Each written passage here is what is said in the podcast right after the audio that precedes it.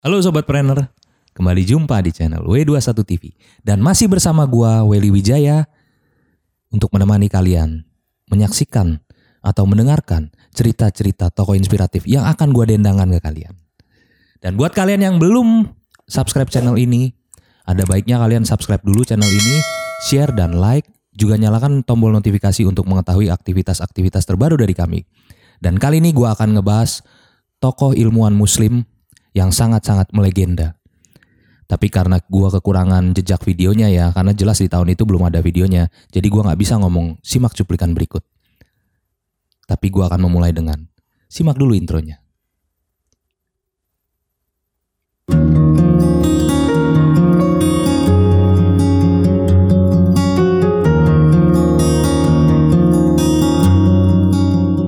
Al-Kawarizmi yang bernama lengkap Abu Abdallah Muhammad Ibnu Musa Al-Kawarizmi.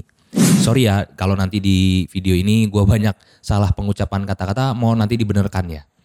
Ahli matematika asal Persia yang lahir di Bukhara, Uzbekistan. Beliau lahir di tahun 780 Masehi dan hidup di sekitar abad ke-9 dan juga meninggal sekitar tahun 850 Masehi di Baghdad, Irak. Memang belum ada yang menjelaskan secara detail ya kehidupan beliau, tetapi ini data yang gua riset dan temukan hampir di semua artikel mengatakan seperti itu.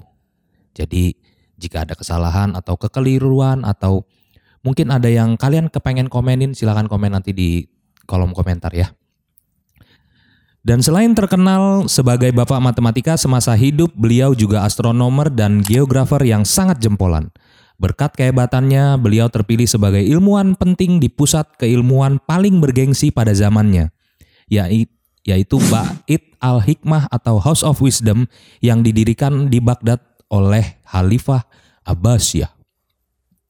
Jadi beliau adalah salah satu ilmuwan terpenting juga ya pada zamannya ya waktu itu ya karena di Baghdad Irak itu waktu itu mengumpulkan banyak-banyak ilmuwan-ilmuwan yang sangat penting dan tokoh-tokoh muslim yang sangat menginspirasi ya sampai dibuatin sebuah bait yang tempat berkumpulnya para ilmuwan yang disebut juga House of Wisdom ya. Rumah yang sangat-sangat pintar.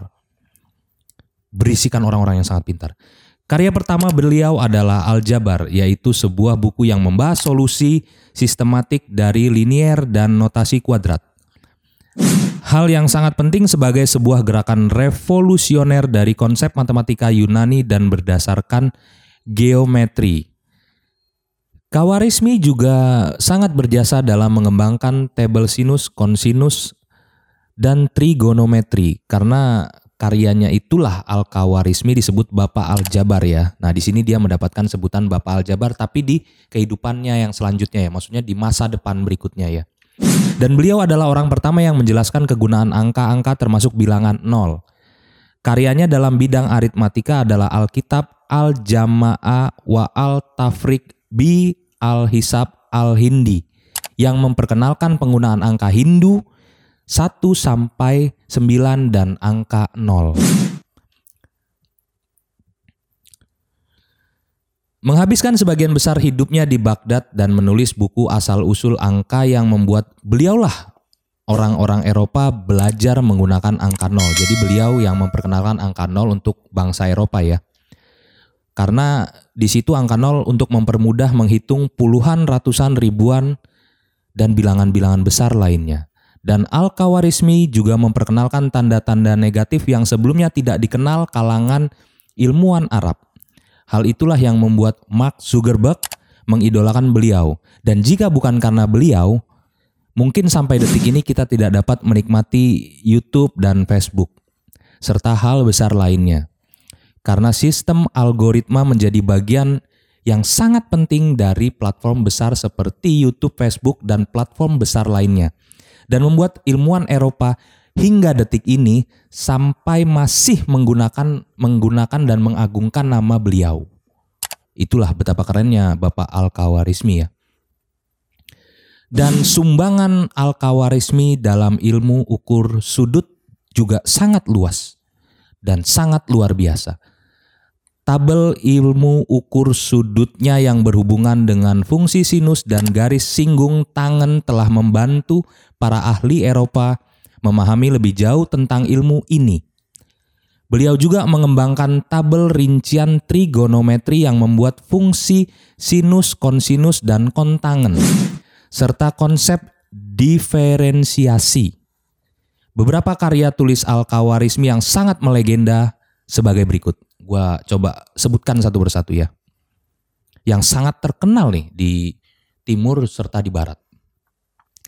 Kitab Al-Muktasar fi Hisab Al-Jabar wa Al-Mukabalah atau linier dan kuadrat. Kitab Dixit Algorismi atau Aritmatika serta yang ketiga Kitab Surah Al-Art atau Kitab Surah Al-Art tentang bentuk bumi. Tapi kita nggak bakal bahas bentuk bumi ya karena itu kan sudah diperdebatkan oleh channel yang lain ya. Gue juga males mau gabungin bentuk bumi bulat, lonjong, telur kayak terserah lah. Gue juga nggak terlalu peduli di situ. Dan ngapain juga dibahas ya, karena itu nggak penting-penting amat ya. Tokoh-tokoh inspiratif yang kita bahas. W21 TV hanya mau perkenalkan tokoh-tokoh inspiratif yang bakal gue bacain. Dan karya-karya beliau tadi di, terus dipakai hingga abad ke-16. Dan karena pentingnya peran beliau dalam ilmu matematika, menjadikan beliau mendapat julukan Bapak Aljabar seperti yang tadi gue sebut ya. Oke, kita udah hampir di ujung video dan semoga kalian tadi suka ya dengan cerita yang gue bawakan untuk kalian ya, perdengarkan untuk kalian. Dan sejarah Islam tidak hanya memenuhi atau dipenuhi cerita peperangan dan penaklukan serta friksi politik di antara penguasa kerajaan atau biasa disebut daulah. Di tengah-tengah masa tersebut terseliplah abad kejayaan, karena masih ada pemimpin muslim yang peduli serta menjunjung tinggi ilmu pengetahuan. Sebab itu nggak benar nih, jika ada anggapan kehadiran daulah-daulah Islam hanya akan memunculkan kekacauan di dunia ini. Akan tapi sebaliknya, keberadaan mereka justru malah memunculkan ilmuwan besar yang berkontribusi terhadap perkembangan sains di dunia modern. Salah satunya adalah Al-Kawarizmi, Bapak Al-Jabar dunia. Terima kasih sudah menonton kami. Sampai jumpa di kisah sukses selanjutnya.